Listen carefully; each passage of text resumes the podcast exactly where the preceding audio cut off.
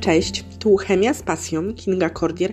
Witam serdecznie w kolejnym odcinku mojego podcastu. Dzisiejszy odcinek poświęcony będzie tymoloftalejnie. Dlaczego? Ze względu na jej ciekawe zastosowania. Odcinek y, tego podcastu kieruję i do nauczycieli, i do uczniów. Do nauczycieli dlatego, że być może którąś z tych informacji zamieszczonych w dzisiejszym podcaście zechcą Państwo zaprezentować później swoim uczniom jako taki dobry start na nowy semestr, rozpalenie miłości do chemii, a dla uczniów jako taka ciekawostka również, żeby rozpalić Waszą miłość do chemii. Tymoloftaleinę znamy z zastosowania jako wskaźnik pH. I to wszystko wie, i wszyscy o tym wiemy. Jest to białe, ciało stałe, powyżej wartości pH 10,5 roztwór tymoloftalejny przybiera kolor niebieski. Z kolei przy pH w zakresie od 9,3 do 10,5 roztwór jest bezbarwny. To, w jakim zakresie roztwór tymoloftalejny zmienia kolor, determinuje też inne jej zastosowania, np. atrament sympatyczny.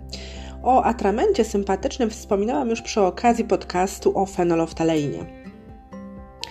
Co jest potrzebne do przygotowania takiego znikającego tuszu? Potrzebne będą po pierwsze tymoloftaleina, etanol i wodorotlenek potasu. Tymoloftaleina jest dobrze rozpuszczalna w etanolu. Tak więc rozpuszczamy ją w etanolu, dodajemy wody. W celu otrzymania odpowiedniego odczynu do roztworu dodajemy wodorotlenku potasu, do momentu pojawienia się niebieskiego koloru. I gotowe, można napełniać pióra. Kiedy nasze napisy staną się niewidzialne, nasz atrament przereaguje z dwutlenkiem węgla z powietrza, zobojętnia się wodorotlenek potasu w ten sposób. W efekcie nastąpi zmiana jego pH, co z kolei powoduje, że staje się on niewidoczny.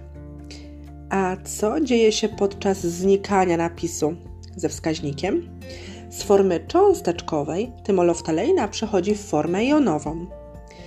Ale żeby zabawa trwała nadal, teraz wypadałoby sprawić, by napis pojawił się ponownie. Jak to zrobić? Kartkę papieru zanurzamy w cieczy o pH większym niż 10,5. Gotowe. Lalka Barbie zmienia kolor włosów, pamiętacie to z dzieciństwa? Za tym również stoi tymoloftaleina. A może macie ochotę na kolorowe bańki? w dodatku nie pozostawiające śladów z dodatkiem tymoloftaleiny? Zachęcam. Jeśli Wam się podobało, podeślijcie link do tego podcastu swoim znajomym. Dziękuję.